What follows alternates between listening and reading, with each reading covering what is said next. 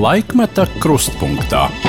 Esiet sveicināti Latvijas radio skan raidījums Laikmeta krustpunktā pie mikrofona Arnijas Krause, producents Ilza Aginta. Viņš ir punktuāls, racionāls un izdarīgs. No viņa jūt radošu draudzīgumu un sirds atvērtību. Mums, latviešiem, nav daudz tādu komponistu kā viņš.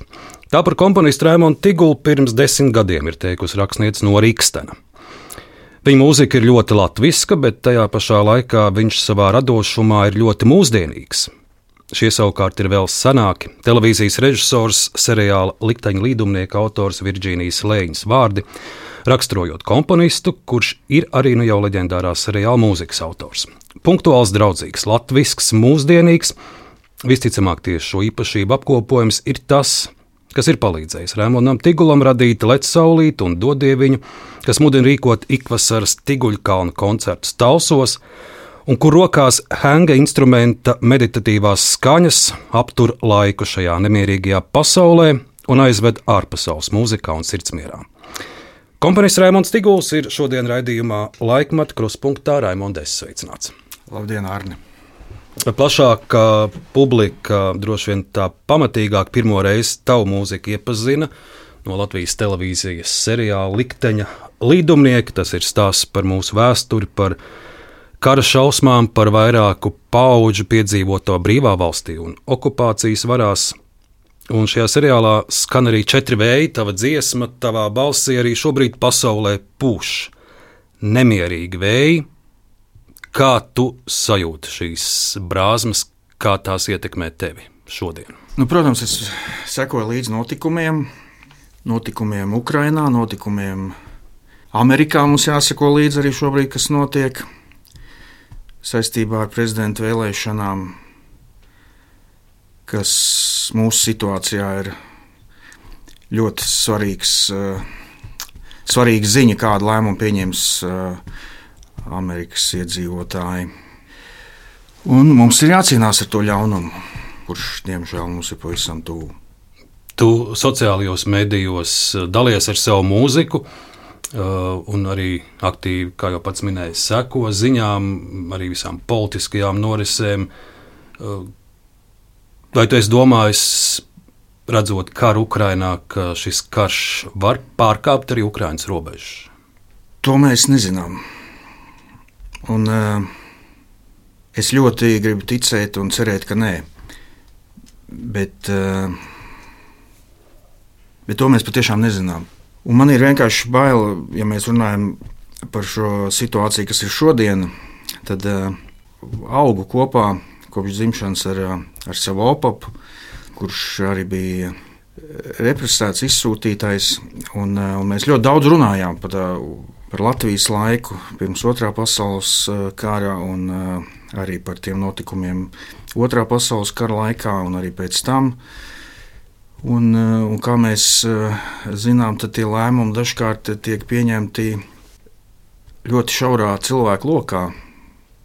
Es runāju par tādiem lieliem ģeopolitiskiem lēmumiem, un kā mēs zinām, tad, tad tie tiešām ir tikai daži cilvēki, kas ir pieņēmuši tādus svarīgus lēmumus, kas, kas nākamos desmitiem gadus ir ietekmējuši miljoniem cilvēku dzīves.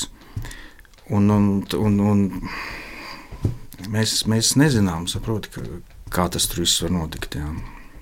Šie nemierīgie pasaules veidi kaut kādā veidā ietekmē arī tavu radošo dzīvi, mūzikas radīšanas procesu, vai mūzikā tu esi pilnīgi ārpasaulē no, no visām televīzijas ziņām un no tā, kas notiek Ukrajinā vai Amerikā. Es ļoti gribētu, lai tā būtu, bet tā nav. Un, eh, un, eh, un tieši eh, kad es sāku rakstīt mūziku filmai Mācis Piens, tieši tajā dienā bija. Krievijas iebrukums Ukrajinā. Nu, tas vienkārši sakrita tā. Un, un, un, Tūlīt jau gada diena būs. Jā, un, un Pirms, pirms, pirms pusotra mēneša, kad viesojos Ņujorkā filmu festivālā, es stāstīju Amerikas publikai tieši par šo sakritību. Un, un filmas pirmā, pirmā, pirmā, pirmie, pirmās ainas tieši ir, tieši ir Krievijas iebrukums Latvijā. Un, un skaidrs, ka tas ietekmē rakstot mūziku. Dodieviņi, Lecsaulīti, tās ir uh, spēka un latviskā pašapliecinājuma dziesmas, un uh, tikai ar militāru spēku vienu vienēdnieku uzvarēt nevar to pierādīt šodien arī Ukraiņi. Tavuprāt, kas ir šodien uh, Latvijas ļaužu spēks, kas ir mūsu stiprās puses, un pēc tam es vaicāšu arī par vājajām. Es, tas, ko es redzu, tas ir noteikti tas spēks ir mūsu saknēs, tā, tā, tā bagātā tautas pagātne, ko mēs arī redzam tautas dziesmās, un, un, un, un tas, ko mēs piedzīvojam ik pēc pieciem gadiem dziesmu svētku estrādē, tad pilnīgi noteikti tas kultūras. Tā kultūras pagātne ir tā, kas mūs, kas mūs ir stiprinājusi visus tos gadsimtus, un arī šodien. Tas ir tas, tas, ir tas mūsu spēks. Jā. Un kas ir mūsu vājums? Nu, to mēs redzam ik uz soļa.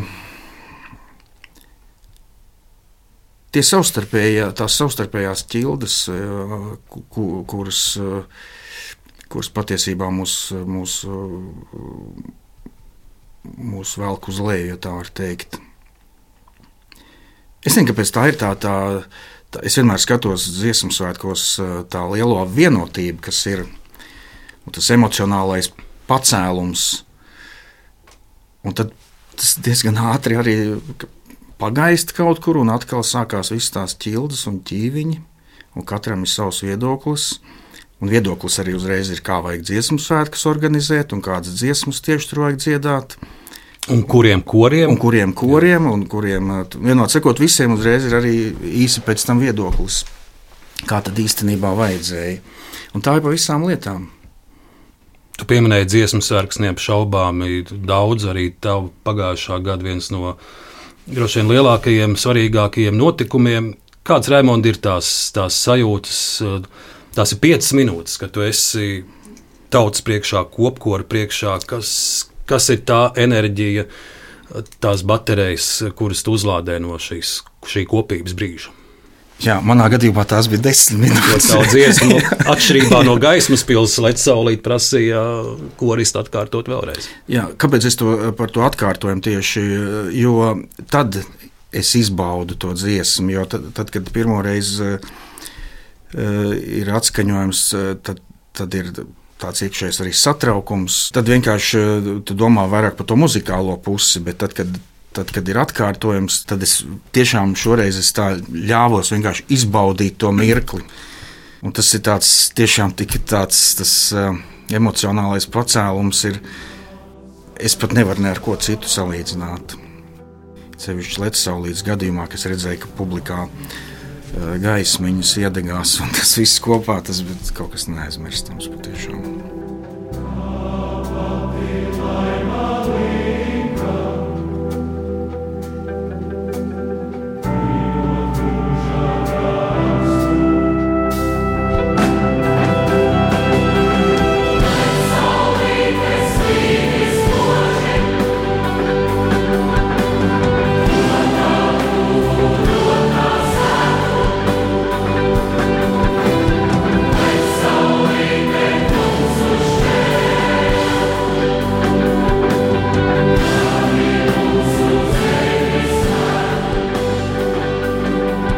Salīdzinot uh, dziesmu svētku tradīciju un uh, Latvijas šodienu.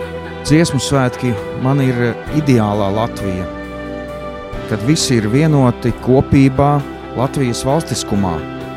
Ārpus meža parka Sidraba birs, kopīgā dziesma, jāsaka, diemžēl vairs neskan.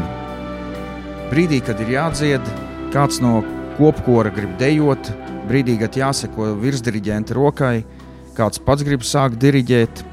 Un tad lielais tautas kora skanējums un spēks pazūd sīkos ikdienas strīdos un ķildās. Mēs ar vienu nespējam vienoties, kas ir mūsu kopīgā dziesma.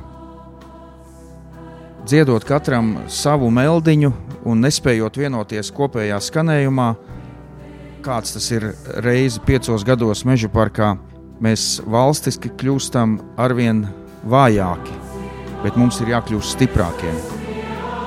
Tā ir sakrits, jauši, nejauši. Es tevi esmu sastapis gan šajos pēdējos dziesmu sārkos, gan arī iepriekšējos. Un, un, un, un tas, ko es redzu tev vērojot pirms lielā koncerta, protams, ir uztraukums un arī nu, uzreiz noejot no estrādes. Nu, tāda sajūta, ka tu esi tā kā tādu metru virs zemes, tu esi kādā citā pasaulē vai kosmosā tajā brīdī. Tas noteikti ir tāds iekšējs uh, gandarījums, jo es nekad neesmu rakstot uh, kādu kora dziesmu.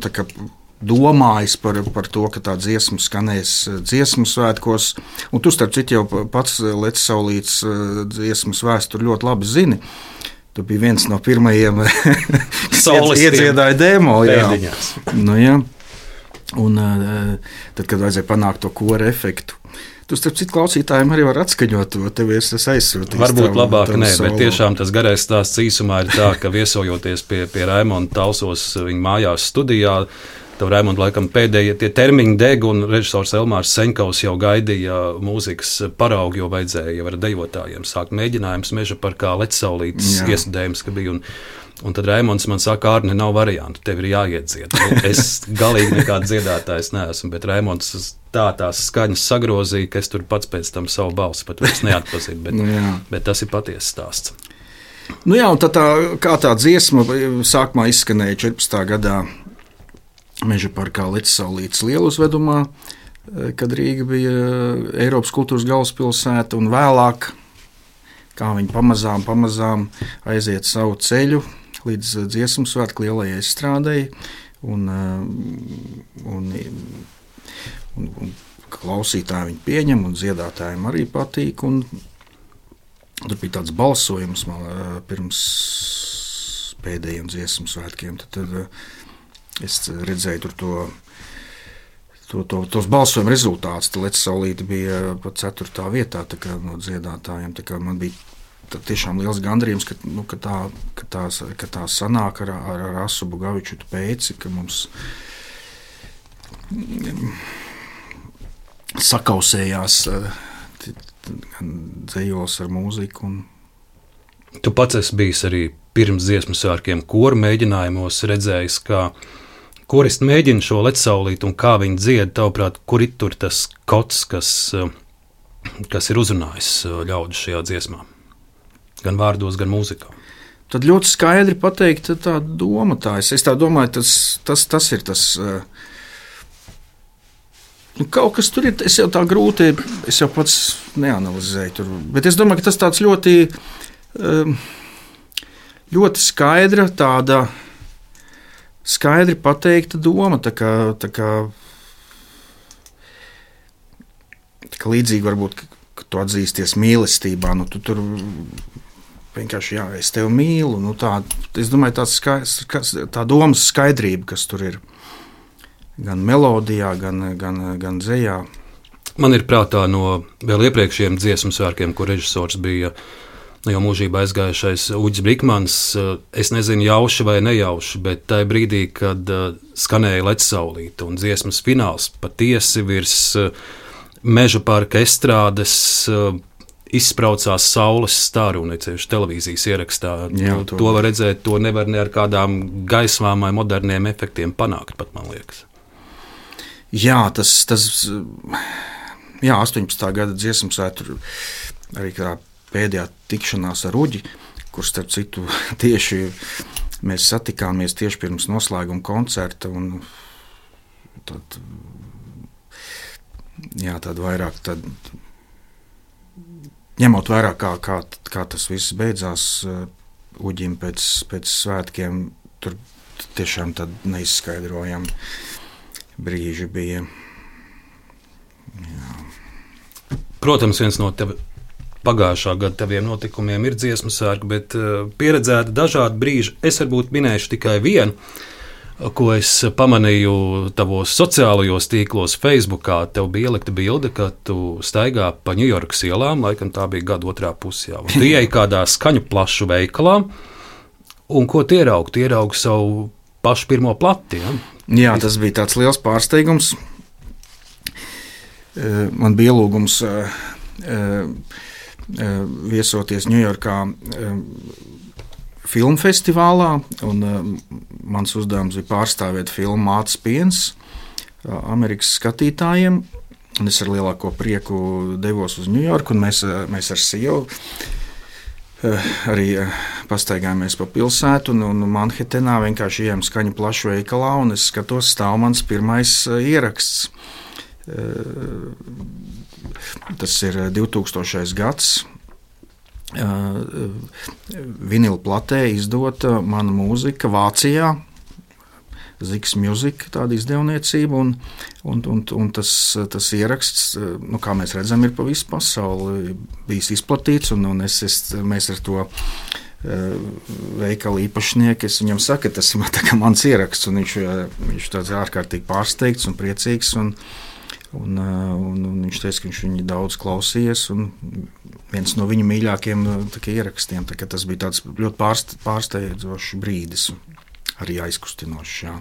Raimonds arī šodien raidījuma laikā skanēs ierakstu, un varbūt arī kāds tevi pārsteigs vai pat aizkustinās. Ceru pagūt vismaz 11 fragment, dažādi man ir atlasīti, un tos visus arī pagūt nospēlēt. Es uh, sākšu ar stāstu par likteņu līdumniekiem. Arī tādēļ, ka likteņu līdumnieki pamatā bija filmēta Liezeras pagastā, un, un Nārbuļu mājas ir nu, tā taisnā līnijā pār mežu, dažu kilometru attālumā no manām lauku mājām. Ar likteņa līdumniekiem sāksim. Pirmais, lai skan fragments no Latvijas Rādio 2014. gada 22. jūnija raidījums Viena Rīga, daudz talantu. Tā autora ir žurnāliste Lija Guļevska, un šajā raidījumā jūs arī runājat uh, par likteņa līdumniekiem. Un arī dzirdēsim režisoru Virģīniju Lēņu. 2014. gads tajā tālajā, nu jau 2002. vai pat 2001. gadā Virģīnija Lēņa sāka darbu pie likteņa līdumniekiem, un toreiz jau mēs jau nebijām pazīstami. Tad nu, mēs tur satikāmies, nu, protams, viņa ar tādu lielu, lielu pietāti, nu, un tos pirmos gadus aktīvi braucu arī uz Liezeri, kur tika filmēta filma, un tur dzīvoju uz vietas. Man patīk tā vide un viss tas process, kā notika. Tad bieži stāvēja ar magnetofonu aiz stūra kaut kur, teiksim, tur kaut kādu epizodu filmēja, un tad to mūziku atskaņoja, lai aktieriem vieglāk ir iejusties tēlā.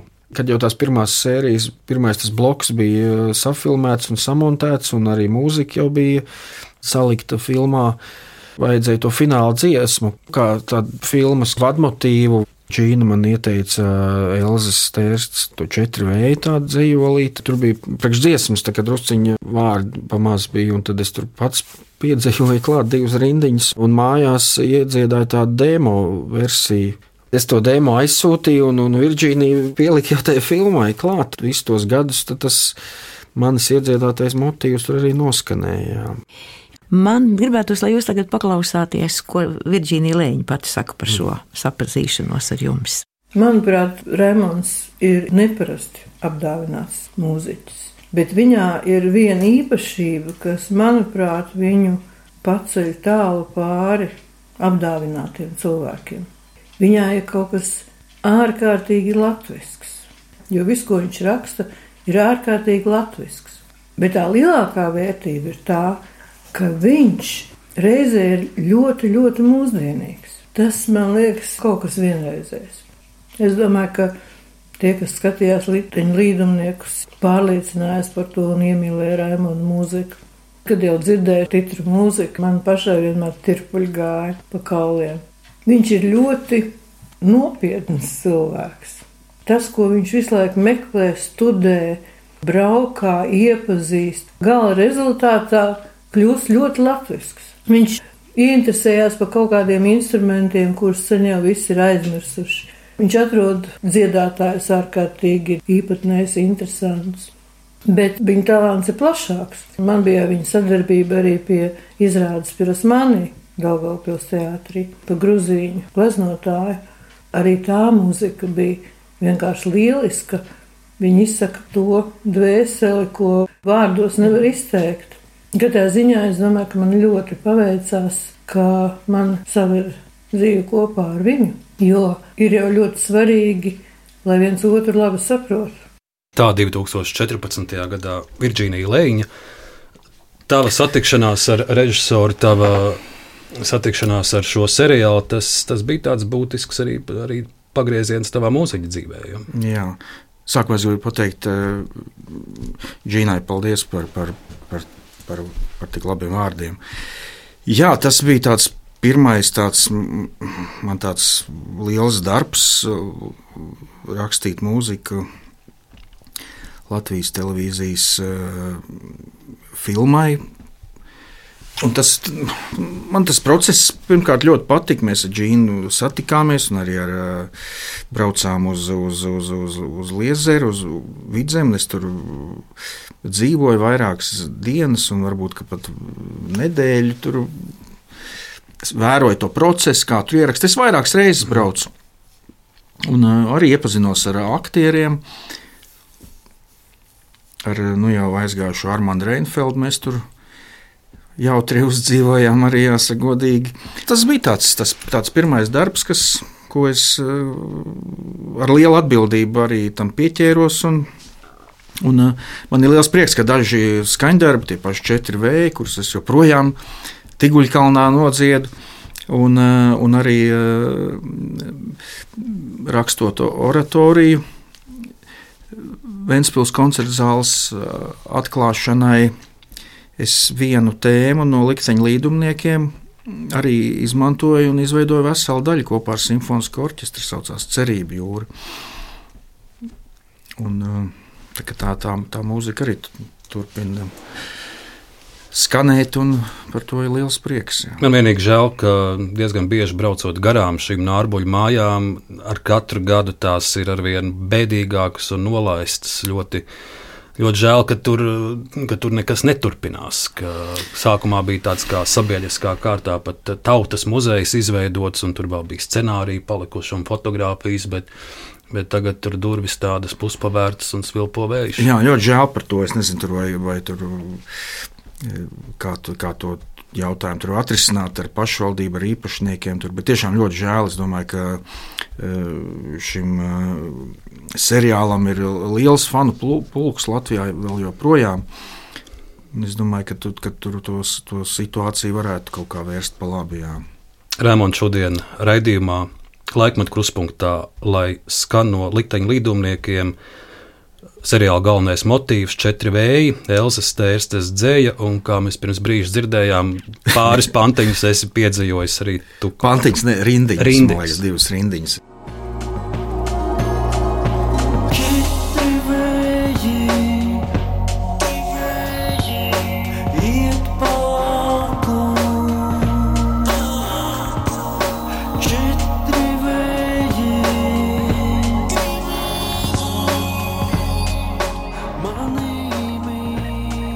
Četri vēji, Rēmons Tiguls un Rēmons sarunas turpinājumā. Es izvēlējos uh, pāris cilvēkus, kurus tu esi dzīvē sastaps. Uh, es esmu diezgan pārliecināts, ka, ka viņi ir uh, tevi ietekmējuši gan, gan radoši, gan, gan visādi citādi. Un sākšies ar Imants Ziedoni. Pirms gada 3. maijā, Imants Ziedoņa dzimšanas dienā, tu Facebookā savā lapā esi ielicis fotografiju, kur tu esi kopā ar dzinieku, un es ierakstīju arī šādas rindas. Darbs pie muzikālajām epifānijām. Man tie bija ļoti īpaši brīži, kad viesojoties Pimanta un Ausmas zaļajā ielā, mēs dzērām tēju un ēdām ausmas sildītos speķu pīrādziņus. Klausījāmies mūziku un lasījām. Imants stāstīja, ka skatās likteņa līdumniekus un ļoti patīk mana dziesma Četri vēji Tas man patika. Citreiz ausma mums ielēja pa mazam balzāmiņam, un tad mēs palikām vēl runātīgāki. Nospiedums uz visu dzīvi Imantam Ziedonim 90. Tāds ir tavs ieraksts, tava satikšanās ar Imantu Ziedoni. Tas bija īsi pēc tam, kad Nu, vienkārši man tāda radās ideja par, par, par tādu kopdarbu, kur, kur imanta lasījumā epifānijas skanētu kopā ar mūziku. Un, un, un tad es iepazinos ar, ar, ar, ar Ausmu un izstāstīju to ideju. Un tad es saka, devos ciemos, un, un, un, un tas tas bija no 2005. gada līdz 2008. mēs to darbu ļoti lēni saka, veidojām, nesteidzoties. Un man patiešām negribējās steigties, un es, es gāju ciemos pie imanta un pie ausmas, un mēs tur sēdējām un, un, un, un iedraudzējāmies. Un, un patiesībā man bija diezgan skumīgi, ka mēs to darbu arī beidzot pabeidzām. Bet es jau tāpat pie viņiem gāju. Un, un, un, un, un, un, un man bija liels prieks, ka Imants arī uz tā darba atvēršanu atnāca. Kaut gan viņš bija vēl pa dienu bijis slimnīcā, un, un, un, un es to darba atvēršanu norganizēju turpatās pie Binijas blakus. Bija Binijai tur salons, salons un, un, un, un tas ir turpat blakus pāri ielai, un, un Binija bija ļoti priecīga. Un, un tad Imants arī vakarā atnāca, un, un tas bija arī tāds ļoti emocionāls brīdis, jo Ausma jau zvanīja un teica, ka diemžēl Imants ir aizvests uz slimnīcu un, un kad, kad neizskatās, ka vakarā varētu būt. Un, un, un mēs jau tā kā pieņēmām, ka viņš arī nebūs un, un, un bija sanākuši. Apmeklētāju uz atklāšanu, gan Vesterčs, Šimkus, gan Jānis Šepkevičs, Pauls Timrots, nu, tāda, tāda draugu kompānija. Un, uh, Un, un vienā brīdī mēs vienkārši redzam, ka, ka imants, imants ar māsiņu palīdzību nāk, nāk uz, uz to pasākumu. Un, un tad mēs labu laiku tur kā, kā saka, kopā priecājāmies par to darbu. Jā, tas tādi, tādi var teikt, dzīves svētbrīži tie man ir. Prieks par darbu. Es nezinu, vai, vai prieks bija daudziem uh, 11. un 12. klašu skolēniem nesen notika Latviešu valodas un literatūras olimpiāde. Mm. Tur kopā 70 jautājumu, un 34. jautājums vidusskolēniem šajā olimpiādē bija šāds: Rēmons, tu pats lūdzu nolasi, vai tu pats spēsi uz 34. jautājumu atbildēt? Kur ir 34. Ah. Jā. Lasi skaļi, lai mēs dzirdam arī. Ah, tas ir 2000. gada. Nē, nē, nē. 2000... Tas, kas ir iekavās, tur ielikts 34. punkts. Jā, 2008. gadā komponists izdeva audio, audio disku epifānijas, kurā viņa mūziku izpilda Iman, papildina Imants Ziedoņa ierunātās 19 epifānijas. Un skol, tur ir daudz punktu, un skolēniem bija jāzina, kurš ir komponists. À, nu jā, būtu interesanti redzēt, kā, kā jauniešiem veicās ar, ar, ar šo jautājumu. Bet šāds ir iekļauts Latvijas valodas olimpiādē. Viņiem Jā. bija jāzina, ka tu esi šī darba arī līdzautors. Jā, man, man, man bija uh, liels prieks, ka tas, uh, tas, tas darbs, ko mēs kopā izveidojām un ierakstījām, iegūt tādu lielu popularitāti un, un, un patiesībā tāda, tāda imanta pilnīga renesanse. Tā bija tā, gan Noras grāmata un, un, un izrāde. Tad, lai Rēmonda arī šodien raidījumā skan viena no epifānijām, Imants Ziedoņa balss, tā ir ierakstīta 1976. gadā, un tava mūzika 2008. gadā Imants Ziedonis dziediet. Es jums saku, dziediet. Dziediet, kad jums ir labi, bet visvairāk dziediet, kad jātiek pāri nejēdzībai. Dziediet acīs tam, kas jūs lamā. Gavilējiet savā pārākumā, kad jūs sit. Es to ļoti labi atceros. Es biju mazs puika un redzēju pa istabas logu kaimiņu māti sit savu dēlu. Viņš stāvēja pie klēts stūra un dziedāja.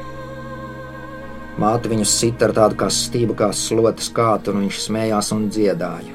Viņa sita un viņš dziedāja. Viņa piegūra un viņš dziedāja. Tad viņa nolaida rokas un viņš dziedāja, noglāstīja savus sadauzītos plecus un aizgāja dziedātos. Dziediet pārpildītos trolejbusos, nolādēt gribas savas dusmas izdziedāt. Un ja jums jāmaksā par dziedāšanu, tad samaksājiet. Dziediet, kad jūs dzerat Aiz skumjām, aiz garlaicības jūs dzerat. Jūs varat pustopu izdzert, bet vai jūs varat pustopu izdziedāt? Dziediet pie kapa, ko jūs klusējat, dziediet. Viņš nedzird, ne viņam. Dziediet ne viņam aizejot, bet jums paliekot, ne par skujām kapā, bet par to lapu galotnē. Sev dzīvē jums dziesma ir vajadzīga ne viņam. Kad jūs naktī pamostaties, lakstīgums dziedat. Redziet, arī naktī ir dziesma. Vai jūs dziedat tikai no rītiem tās saulainās, bet dusmu dziesmas, un izmisumu dziesmas un uzbrukumu dziesmas? Jā, kur ir jūsu uzbrukuma dziesmas? Vai jūs jau esat uzvarējuši, ka dziedat tikai no rītiem, vai uzvarēt, ka nedziedat nemaz?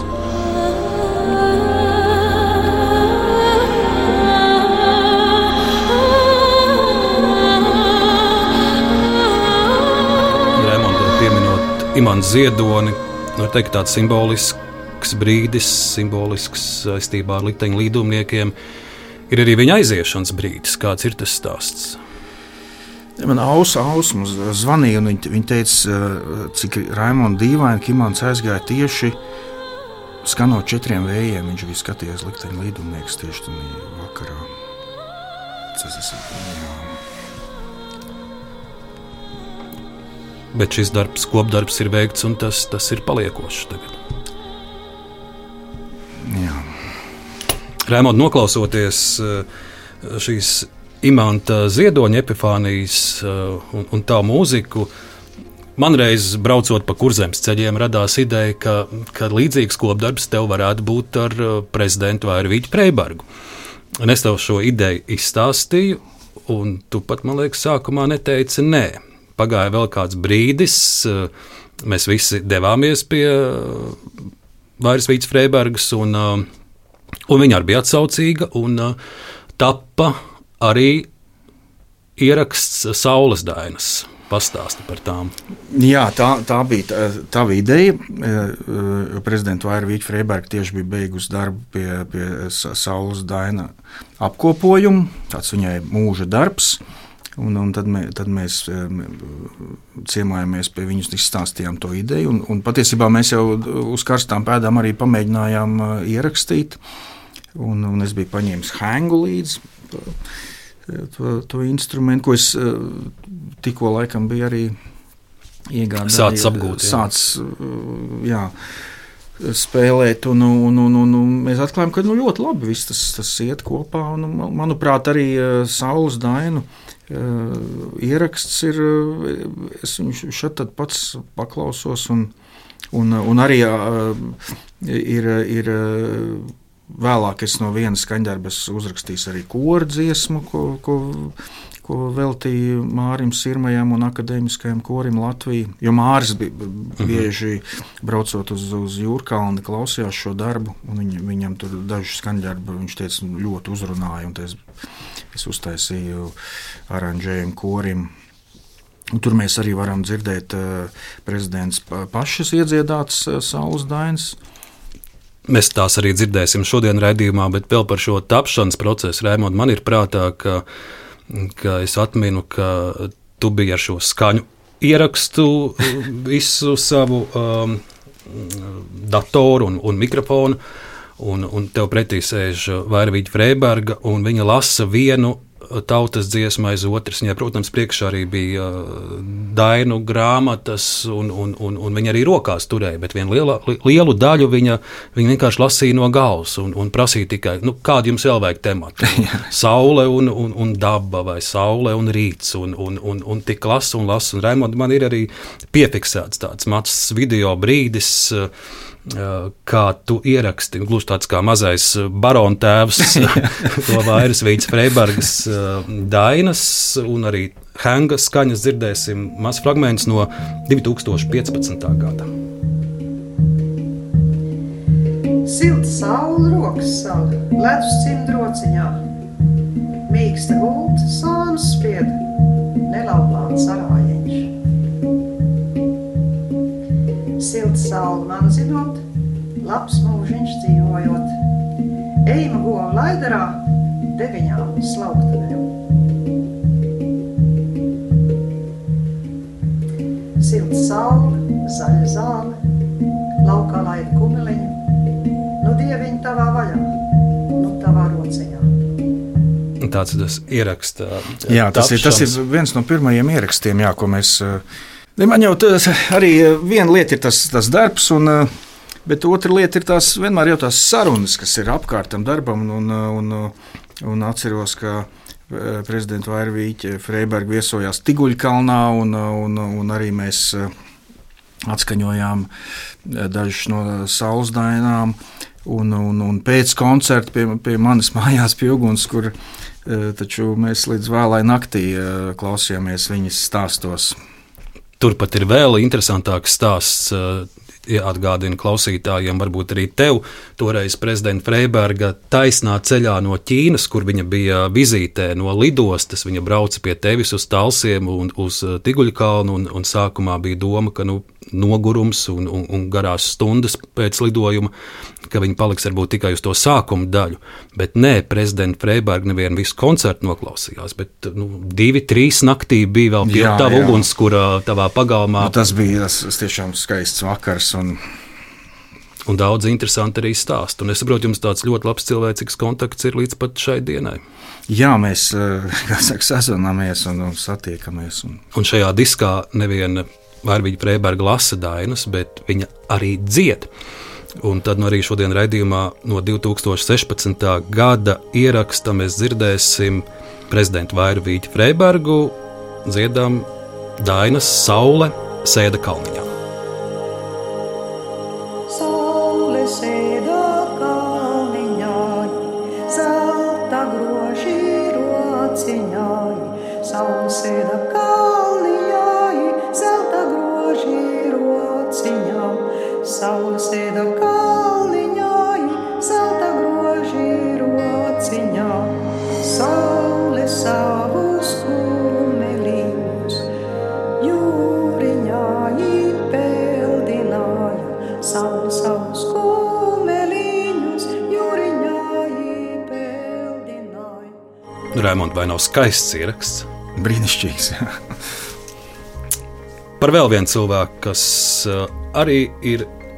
ienācis tavā radošajā dzīvē, un droši vien tad, kad tu biji uh, mazs mūzikas skolas audzēknis vai, vai zēnu kora dalībnieks, tu, tu nevarēji iedomāties, ka tu reiz dzīvē uh, tiksies ar meistro Raimondu Paulu, jums pat būs uh, dažādi kopdarbi un, un, un, un daudzas sarunas, um, tā iepazīšanās ar meistro. Es to, tādu pirmo, es tiešām atceros, ka es dziedāju vēl zēnu korī. Meistro bija atbraucis uz Talsos, laikam bija kaut kāds koncerts zēnu koriem. Un, un, un, un, un es atceros, ka es tur tāds mazs puika, nu, es nezinu, varbūt otrā trešā klase, es pieskrēju klāt uz autogrāfu. Un, un, jā, un tad vēlāk jau nu, kaut kā mums tie ceļi kaut kur, kaut kur, kaut kur krustojās. Un, un, un, un tad es atceros, ka, tāda, ka tas bija 90. gadu, apmēram 97. gadu Eh, vai 98. tad eh, vernisāžā eh, tur bija uztaisīts tāda tā, tā, tā, tā, tā, tā koncerta vieta. Un tad uh, man maistro zvanīja, viņš saka, ka negrib atnākt tur vakarā, tur uzspēlēt, tur krūmiņš ir nopircis Stenvejā. Un, un es, es ar lielāko prieku teicu, jā, ka nu, labprāt. Un, Tas vēl bija laiks, kad tev bija grupa Shake and Bake. Jā, jā ar, ar, ar, ar Jānu. Jā, un, uh, Nu, jā, un tad es tur vakarā gāju uz to, lai saprastu to, jo man tas, man tas bija dzīvē tāds nu, smags brīdis. Man tēvs bija aizgājis, un es, tad, kad tēvs aizgāja, tas to saimniecību mēs ar mammu vēl turpinājām, un es pienu vedu tirgot un uh, braucu ar traktoriem. Visi lauku darbi. Visi lauku darbus, jā. Mm. Patiešām mums bija kartupeļu lauks, es braucu kartupeļus, mēs stādījām un, un, un sējām kviešus un, un, un sienu vācām, un, un to es visu tur vairākus gadus darīju. Īpaši man palikuši atmiņā tie, tā piena tirgošana, kas brauca tā žigula ar tām piena kanām. Nu jā, un tad, tad tie divi gadi man tā pagāja tādā režīmā, un tad man, kā saka, tur zvana maistro par to vernisāžu. Es atceros, es toreiz tāds palicis atmiņā. Es gāju cauri vērmaņu parku uz, uz to vernisāžu, un es atklāju, ka tās kurpes man galīgi saplīsušas. Tu kaut kāds vecs. Un es pirku kaut kādu līmi, tur salīmēju un, un gāju uz to vernisāžu spēlēt. Un es domāju, redz, ka tas ir pilnīgi jauns stenvejs, un čalis vienkārši tur spēlējām. Tavā apaļā, apaļajā jubilejā meistro arī tev atsūtīja apsveikumu, sakot, ka tu esi labākais no komponistiem, Raimondiem, protams, uzreiz aiz manis savā, savā ironiskajā stilā, bet uh, mēs zinām, Meistro nemētājas ar, ar, ar, ar komplimentiem, bet uh, tie bija vārdi. Viņš teica, ka viņš tavā mūzikā saskata līdzību ar Emīlu Dārziņu, jo no jauno laiku komponistiem maz esot apveltīti ar melodiskumu. Nu, tas, ir, tas ir liels kompliments no Meistro. Jā, paldies, paldies Meistro. Un droši vien to arī nevarēja paredzēt, ka, ka pienāks tāda diena, ka maestro spēlēs tavu mūziku kā pianists pie klavierēm. Un, uh, šis stāsts arī ir uh, piefiksēts uh, nu, vien ar telefonu, bet, bet uh, Raimons Pauls spēlē Raimonda Tigula cerību jūru. Kur tas notika? Izstāsti. ja, nu, es... Tas bija pagājušajā pavasarī. Jā. Ne, mēs uh, sazvanāmies un, un, un, un, un, un, un, un, un, un dažreiz satiekamies arī nu, tā vienkārši pasēdēt un viesojamies uz, uz, uz vakariņām. Un, man bija liels prieks, ka mums ar Kitiju bija kāzas, ka, ka Maestro ar Lanu atbrauc un, un, un faktiski pirmo, pirmo skaņdarbu nospēlēja. Mums uh, Jā, bet uh, Maestro ar, ar, ar Landu bija atbraukuši ciemos, un, un viņš jau man kādreiz. Kādreiz mēs tur tā sēdējām, un viņš teica, viņš saka, es jau kad varētu kad tādu to tavu gabalu nospēlēt, kad viņš saka, ka kaut kāds nots iedod. Un, un, un toreiz, toreiz ka, ka viņi viesojās, tad, tad, nu, tad mēs traukā saka, pamēģināja uz, uz, uz, uz, uz tā mana jaunā flīģeļa, kā saka, iemēģināja arī klavierus. Un pirms mēs noklausāmies mazu fragment, kā Rēmons Pauls spēlē Rēmons Tigulu mūziku, te arī jāieliek iekavās, ka, ka viņš ar pirmo reizi faktiski spēlē. Viņš nebija šīs notis redzējis, turklāt viņš skatījās no, nevis no papīra, no tīm, no iPad, no, nu jā, no, tas ar, liekas, varbūt. No, no tur, datora. Jā, jā.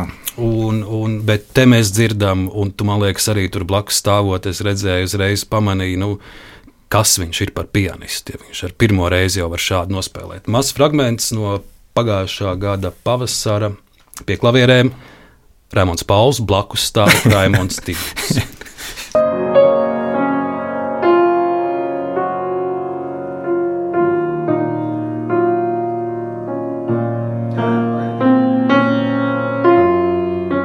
Tas ir viens no likteņa līdumniekiem, tā tēma. Jā.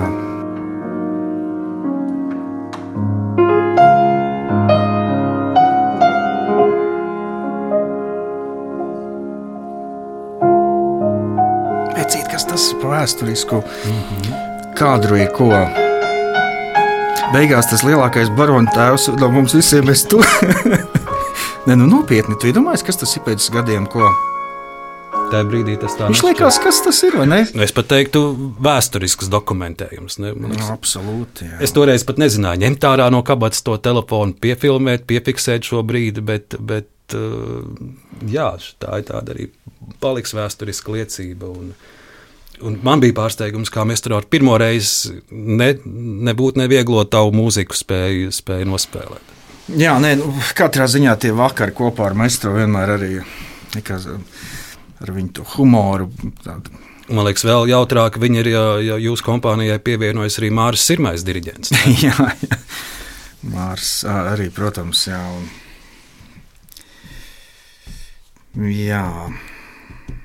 Pat par Māri Rēmondu arī turpināsim. Un, uh, nākamais fragments būs no tava jubilejas koncerta Lielajā ģildē 2022. gada 2. decembrī. Un, uh, man bija tā iespēja un tas gods šo koncertu vadīt.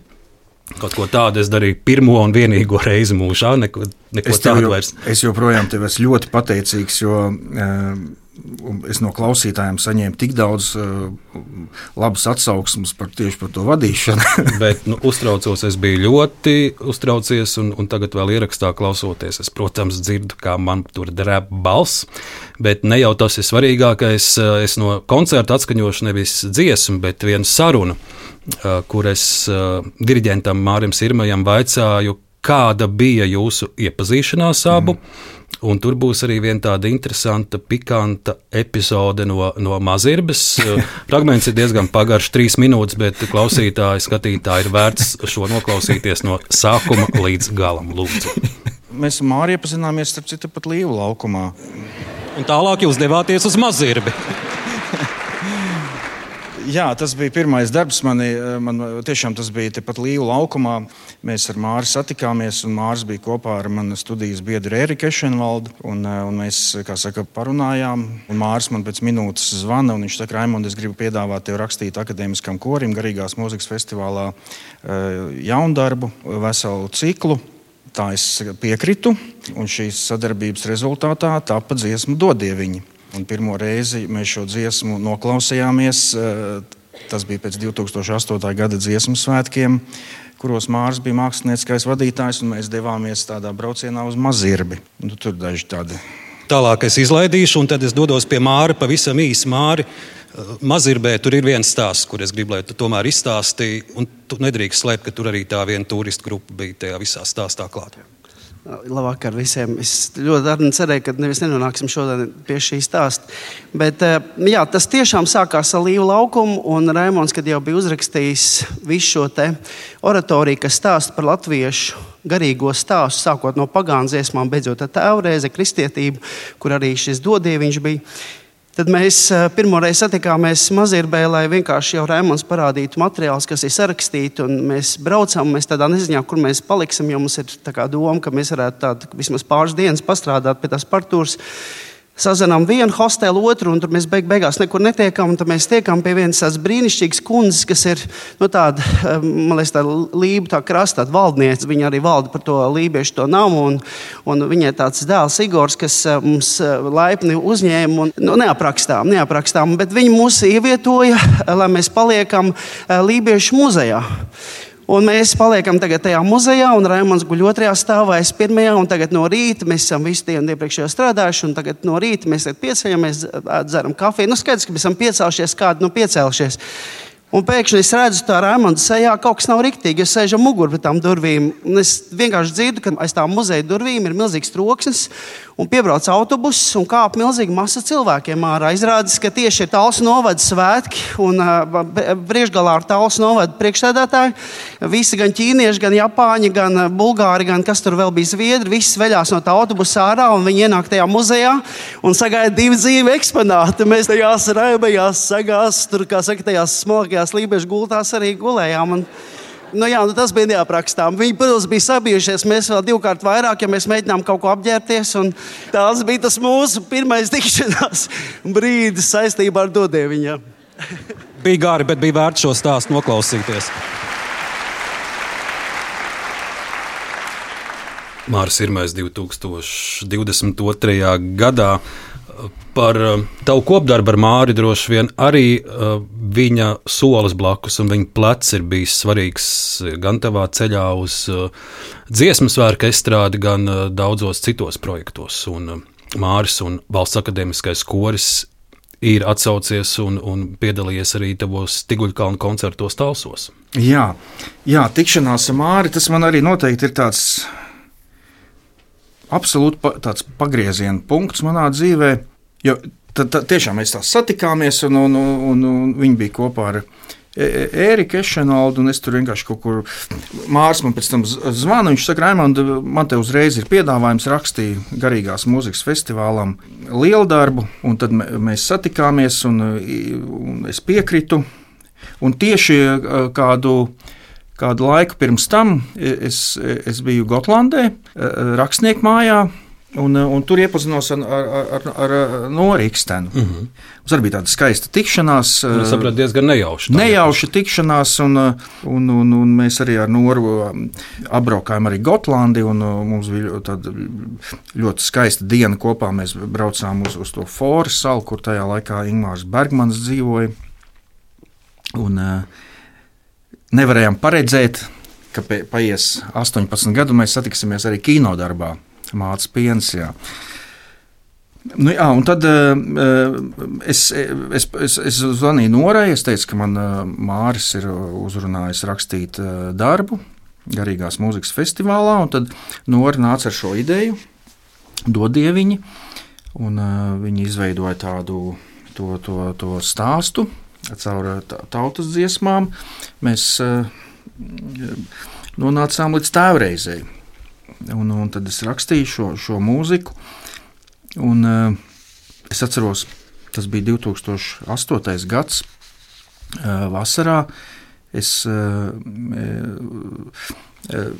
vienā rītā vienkārši pamodos un, un sarakstīju dziesmu Dodieviņu. Un es pats iedziedāju tādu demo un aizsūtīju Norai. Un, un, un pats braucu uz, uz Meža parku, jo tajā dienas vakarā bija dziesmu svētku noslēguma koncerts. Un, uh, Māris man uzaicināja, viņš bija mākslinieckais vadītājs. Viņš teica, atbrauc uz to noslēguma koncertu. Un, uh, un es, es biju noslēguma koncertā, un es tieši noslēguma koncertā saņēmu īsiņu no Noras. Nora man raksta, viņa saka, ka brīnišķīgs skaņdarbs. Viņa saka, un es ticu, ka nākošos dziesmu svētkos šī dziesma skanēs. Un tas Kā arī piepildījās. Arī notika, jā. Dodie viņi ir skanējis dziesmu svētkos, mēs esam dzirdējuši dažādu Latvijas koru izpildījumā. Raimonds šodien raidījumā, lai arī skan dodie viņi, bet uh, tavu mūzika ir apceļojusi, man liekas, visu pasauli, visu kontinentus. Internet dzīvēs es atradu, kā dodie viņi dzied uh, viens koris Čikāgā. Tie ir amerikāņu koris Lukas Kantorum. Tad nu šodien paklausīsimies viņa izpildījumā latviešu valodā dziesmu Dodieviņa. Rēmons Tiguls, Nora Ikstena.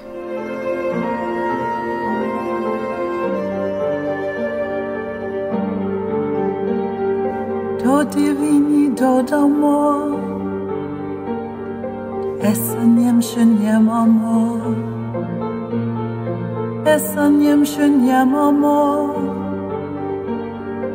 ar abām raciņām. Es viņam šodien Čikāgas koris, Lukas Kantorum. Ramont, eh, kad pirms desmit gadiem tev šeit Latvijas rādio intervēja Liega Guļevska, viņa tev pieteica, ka ļoti latvisku komponistu ar pasaules vēju matos. Un patiesi tavu mūzika skan daudz vietā pasaulē, man liekas, uh, Tu pat uh, ar mūsdienu iespējām vari izsakot, uh, kur atkal kāds koris ir kādu tavu skaņdarbu iedziedājis, un, un, un kur kādā koncertzālē tas skan. Uh, un arī, arī jāpiemina ir prestižā Carnegie zāle, kur, kur arī tavu mūzika ir skanējusi. Jā, bet tas, tas, ir, tas ir tāds, es teiktu, neparasts stāsts tieši par vienu dziesmu. Jāsaka, ka pateicoties tam, ka mans izdevējs ir eh, prestižā izdevniecība Širmera Amerikā, Ņujorkā, un, eh, un tas, ka viņi izdod nots, tad eh, tās nots ir pieejams koriem visā pasaulē. Un, un, un es patiešām varu Es kādreiz pie globus vienkārši skatos, kur, kur, kur, kur, kur tik nav tā, tā mūzika izpildīta. Kur ir tie tālākie punkti, kur tu esi redzējis? Tālākais punkts ir. Jo pārsvarā tie kori ir Amerikā, Amerikā mm. Kanādā. Pēc cik nocis izdots Ņujorkā. Bet tālākie punkti ir. Sākumā es pamanīju Gvatemalā. Kura dziesma? To Moonlight sound design. Mm. Uh, uh, un, uh, un tad Dienvidkorejā, naci, Dienvidkorejas Nacionālais koris Seulā šo skaņdarbu izpildīja, un arī Dienvidā Āfrikā. Es esmu redzējis, ka kori dzied un, un tādos festivālos. Un, un, Un Kanādā, Kanādā vienā festivālā bija, es skatījos, tur viņi tādu programmu bija izveidojuši ar tādiem eh, ar tādu mūziku, ar, eh, un, un es biju tādā vienā sadaļā ar, ar vienu Enijas Lenoks skaņdarbu un ar Bjorkas skaņdarbu. Tā, tāds trio mums tur bija interesants. Jā. Rēmonda Latvijā, es pieņemu, tā ir Latvijas saulīte, bet uh, plašajā pasaulē šķiet tava Tavs atpazīstamākais skaņdarbs ir Moonlight Sound Design. Tu pieminēji Dienvidkorejas kori, tas ir Dienvidkorejas nacionālais koris, Nacionālais koris, kurš jā. arī izpilda šo, šo tavu kompozīciju. Un pirms mēs noklausāmies mazu fragment korejiešu izpildījumā, tavs īsais stāsts par šo dziesmu. Tāds īsais stāsts ir. Uh, Atkal Māris Sirmais man zvana vienā dienā. Viņš saka, Raimond, lūdzu, uzraksti, mēs taisām ar kori kamēr mēnesi dziesmu ciklu, vai tev ir kaut kādas idejas. Un, un es biju tikko eh, no, no Šveices eh, atvedis to hēngu, to instrumentu. Kur, kas atkal ir faktiski vesels stāsts, kā es viņu eh, tur, jo viņi nevarēja vienkārši nopirkt. Es biju pie tās ģimenes, kas viņas ražoja, izgatavoja, pareizāk sakot. Un, Un es vakarā sēdēju ar to hēngu un, un, un atcerējos, ka mans pirmais albums, par ko mēs sarunas sākumā teicām, ko mēs Ņujorkā skaņu plašu veikalā ieraudzījām, tā ir instrumentāla mūzika, bet tur ir viens mans dzējolis angļu valodā, kas ir priekšvārds tai mūzikai. Un es tagad eh, 2011. un 2012. gadā sēžu un domāju par to skaņdarbu mēnesim, un es atceros, ka man taču ir viens dzējolis, kas nekad nav bijis, bijis dziesma. Un šis dzējos bija veltījums tavam tētim. Veltījums ir manam tētim. Uh, Un, uh, un man ir tas hēngs, un es, es sēžu vakarā. Es pat atceros uh, mājās, kurā vietā, pie loga, un domāju, kā tagad varētu to dziesmu uzrakstīt. Nu, tad pašā vakarā man tā dziesma vienkārši arī atnāk, un es viņu uzrakstu, un aizsūtu Mārim, un, un Mārsa, ko arī iestudēja. un Mums bija uh, viens atskaņojums, notika, tas bija 2011. gadā Nižņī Novgorodā. Bija tāds kora mūzikas festivāls, un mēs to šo dziesmu tur atskaņojām. Un, uh, tur bija kaut kādi šāmaņi sabraukuši, un viņi dziesmas laikā uh, cēlās kājās, kas, protams, koristiem izraisīja tādu lielu izbrīnu. Jo viņi bija pacēluši rokas, rokas pret debesīm, tie šāmaņi. Un, uh, un, Tieši tā mūzika viņiem deva kādu impulsu. Kaut Nu, acīm redzot, jā. Un, uh, vienkārši Mārcis diriģēja kori, un viņš, viņš pamana, ka koristiem vienkārši sejas izteiksme izmainās. un Viņi vienkārši redz, ka tur zālē vesela rinda piecēlusies kājās un rokas tur pret debesīm. Vēlāk noskaidros, ka tie ir kaut kādi šāmaņi tur atbraukuši no Sibīrijas vai kur tur. Nu jā, un tad eh, mēs to dziesmu tur eh, dziedājām, un tur kāds viņu ierakstīja un ielika YouTube. vienkārši, un pagāja kaut kāds laiks. Un man, eh, man sāka Facebookā rakstīt daudz diriģentu tieši no Amerikas, kur var notis dabūt tam skaņdarbam. Un es pagāju tur ilgs laiks, es neatbildēju gadiem. slinkuma dēļ. Nē, es vienkārši, vienkārši neatbildēju. Es nezinu, pagāja kā trīs gadi, un tad uh, mēs ar Kitiju apprecējāmies. Kitija vienā vakarā man saka, Raimond, tev tur kādas simts neatbildētas vēstules no Amerikas cilvēku prasa nots, un tu nevienam neesi atbildējis. Un es saku, nu, es saku, nu ņem raksti, nu, ka, ja interesē, tad var aizsūtīt tās nots. Un vienkārši viens kurs man pēkšņi atraksta, viņš saka, Raimond, ņem to instrumentu, brauc, mums te būs tādi koncerti. Minneapolisē, un mēs ar Kitiju aizbraucām, izrādās, tie nav kaut kādi koncerti, bet tas kurs ir viens no labākajiem. Tajā laikā izvēlēts uzstāties uh, Amerikas kora kongresā, kas ir lielākais kora notikums Amerikā, kur sabrauc no visas Amerikas kora nozares uh, speciālisti, menedžeri un klausās uh, kaut kāda jauna repertuāra, kas pasaulē kaut kādas jaunas kora dziesmas, interesantas. Un, Un, un, un, un mēs šo dziesmu atskaņojām. Un, un, un, Un, un pēc tam man pi- pienāca klāt, tur kāda, kāda desmit tūkstoši cilvēku sabraukuši no visas Amerikas, jo tā kora mūzika Amerikā ļoti populāra ir. Un pēc viena koncerta man pienāk klāt viens tāds kungs, un, un, un tā kā kaut ko tur prasa, vai nots, vai kaut ko tur negrib izdot pie viņa un tā. Un es tur tā kā tādā burzmā nesaprotu īsti, kas viņš ir. Un es saku, nu, ka, ka jāpadomā un tā. Un, Un beigās man tas diriģents saka, viņš saka, viņš saka, tu zini, ka tas ir lielākais izdevējs Amerikā. Viņš saka, viņš vispār klāt nevienam neiet, un, un, un te viņš piegāja klāt, un viņš saka, jūs tur kaut ko, es teicu, un zini, es teicu, ka jāpadomā. Bet beigās es padomāju, un tās nots tika izdotas, un, un, un, un, un, un tā tā dziesma tad, eh, pa- pasaulē ir aizgājusi. Un, Un aizgājusi arī līdz Dienvidkorejai Jā. un līdz Dienvidkorejas nacionālajiem korim. Un, to, un, to, un toreiz es arī saņēmu uzaicinājumu, un es braucu uz Ņujorku un, eh, un eh, kopā ar Amerikas dziedātājiem. Kādiem 400 mēs eh, prestižajā Kārnegijas zālē šo dziesmu arī atskaņojam, kas man bija eh, milzīgs gods. Jo Un es tiešām es tajā brīdī spēlēju to instrumentu, es atceros, un es biju gājis uz Kārnegijas zālē klausīties Andra Nelsona ar Bostonas simfonisko orķestri.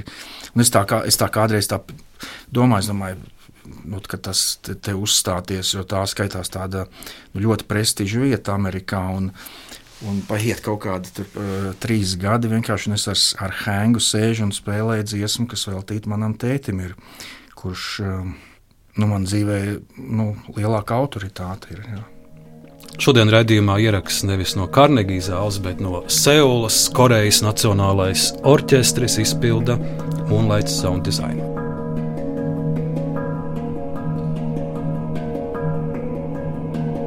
Jā, nu var pieminēt, ka tie amerikāņi teica, ka tas ir koru mūzikas vēsturē pirmais skaņdarbs, kas ir korim ar hēngu tāds, sali, tāds salikums nav bijis pirms tam.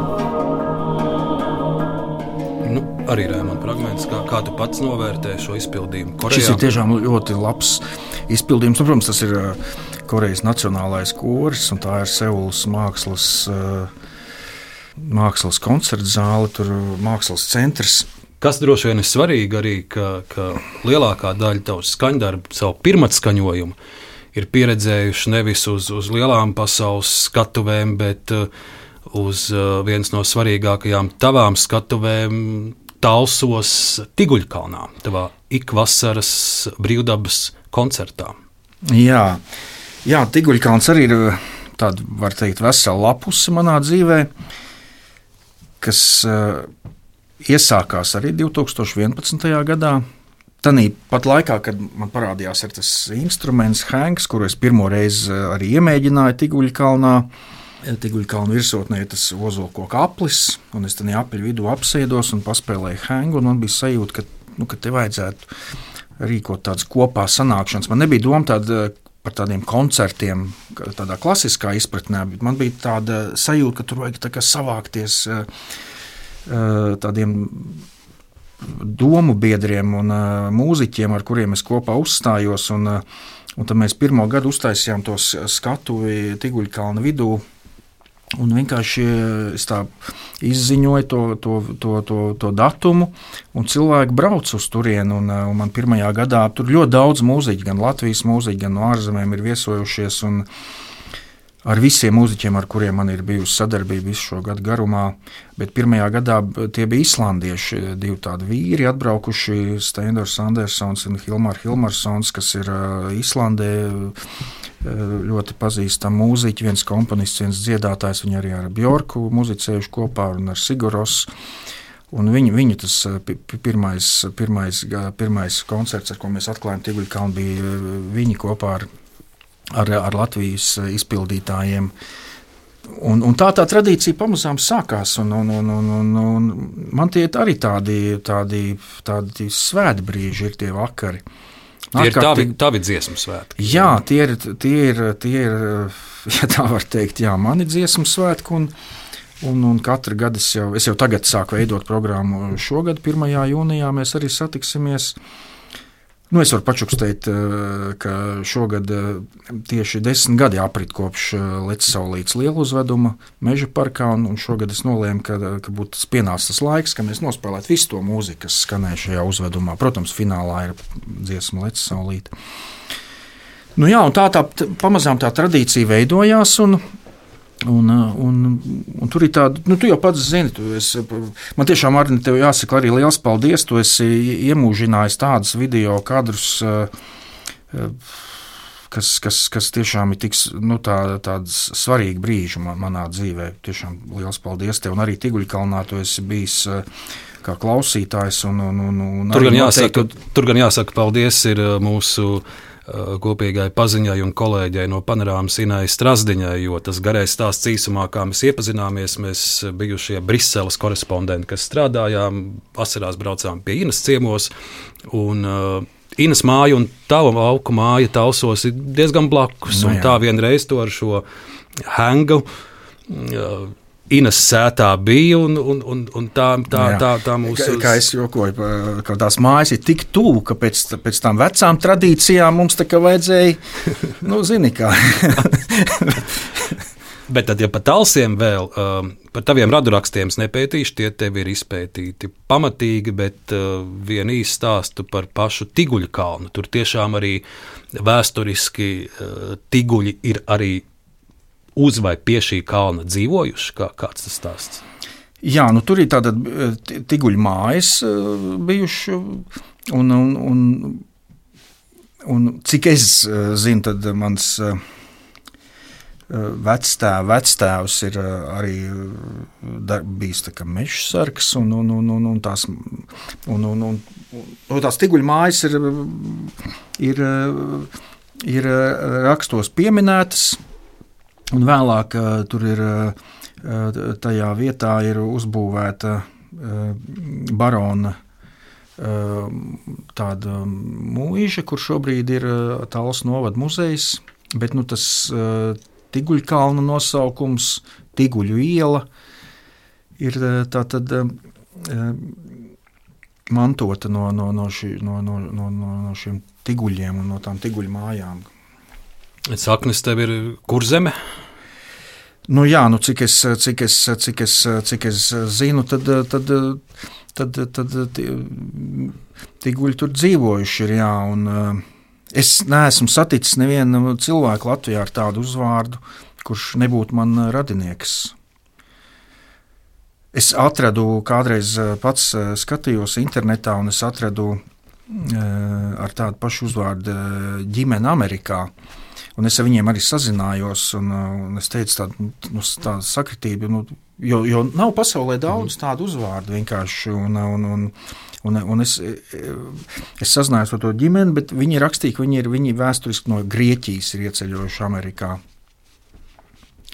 Raimond 2010. gadā uzvārds Tiguls parādās arī Eirovīzijas dalībnieku sarakstā. Mēs te šodien raidījumā runājam par, par dziesmu svētkiem, par pasaules koncertu zālēm, bet pavasars ir Eirovīzijas laiks, un, un arī Eirovīzija ir jāpiemina. 2010. gads, kā tev radās doma piedalīties Eirovīzijā, es skatos to dalībnieku sarakstu, kas tajā gadā bija. Tur, tur piemēram, dziesmas ir iesniedzis arī tāds tēls kā cūkmens ar dziesmu antidrāza. Tad tur piedalās grupa kombuļi, bet arī Zigmārs Liepiņš, arī Rēmons Tiguls. Tur bija laikam kaut kāds tāds brīdis, ka tas kā, kaut kā atkal bija sajūta, ka tur kaut ko tur var pateikt, un, un, un, un, un tā joprojām ir. ir Lieliska iespēja teiksim, pasaulē parādīt uh, kaut kāda, ja tev ir kāds labs gabals, mums jau tur pēdējos gados tur nav laba rezultāta visā. Un, Bet 2010. gadā tas ir tavs kopdarbs, dziesmas teksta autors. Jā, nu, patiesībā tā bija tā, tā bija tā ideja, jo, jo, jo man, man bija, bija, bija tāds arī vesels tāds posms dzīvē, tāda aizraušanās ar, ar lībiešu tautu melo, tautas melodijām un, un lībiešu valodu. Un, eh, jo eh, faktiski viena no manām iedvesmas vietām ir Lībiešu krasts, Mazirbe. Un, eh, un, un viss tas krasts ir vasarā joprojām. Un ne tikai vasarā, man arī tur patīk ziemā aizbraukt. Un, un starp citu, tieši kad man palika 50 gadi pēc tiem jubilejas koncertiem, kas man bija tiešām arī liels gandarījums, ka mēs tik kuplā pulkā ar, ar, ar ar, ar tevi kopā varējām uh, savākties. Un Iveta apkalna no Vācijas atbrauc no akadēmiskais kurs un Latvijas Nacionālais simfoniskais orķestris un uh, Rīgas domas zēnu koris. Un pēc tiem koncertiem man bija sajūta, ka es jau esmu visu nosvinējis, un mēs vienkārši sievu aizbraucām pie Irbas ietekas jūrā, un tas bija tāds ziemas skaista diena, 5. decembris. Un mēs vienkārši tāda skaista pastaiga tā bija gar jūru, un es, es sapratu, ka tā vieta man ir ļoti svarīga bijusi arī dzīvē. Un tā man ir tāda iedvesmas vieta, un, un, un tas tā, tāds vesels laika posms kopā ar, ar, ar lībiešu valodu.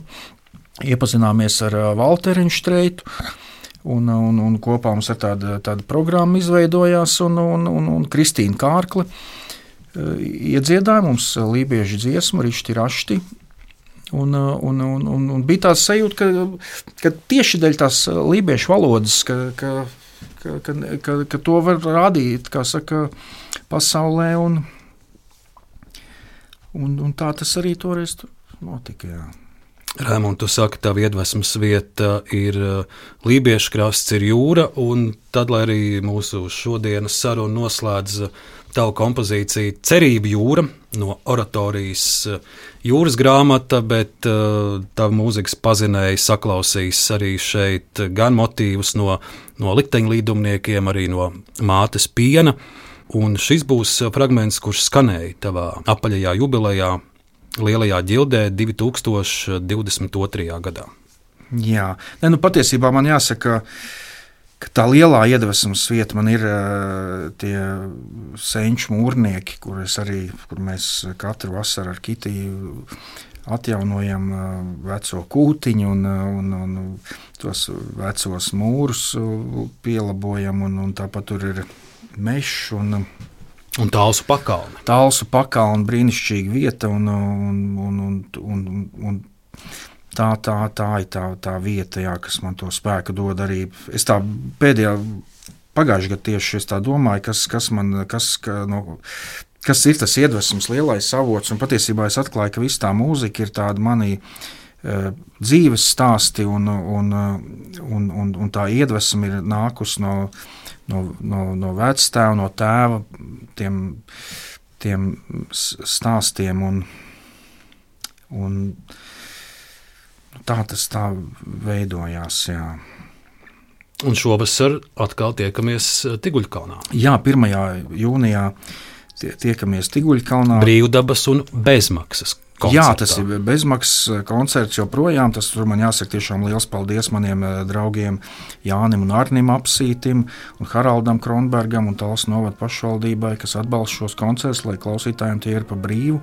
Cilvēki vienkārši atbrauc un var baudīt. Un kā parasti koncerta noslēgumā mēs dziedam dodieviņu. Un kā parasti es visiem novēlu, dzīvosim skaisti. Un dzīvosim mierā. Un cerams, ka jūnijas sākumā tie brāzmainie vēji nu, kaut nedaudz jau būs rimuši pasaulē. Ļoti cerēsim, jā. Komponists Rēmons Tiguls, Rēmons, liels tev paldies šodien par sarunu. Paldies, tev, Arni. Pie mikrofona bija Arnēs Krause, producente Ilza Aginta par skaņu gādāja Nora Mitspapa. Paldies arī Latvijas Nacionālajām arhīvām Skan Cerību jūra.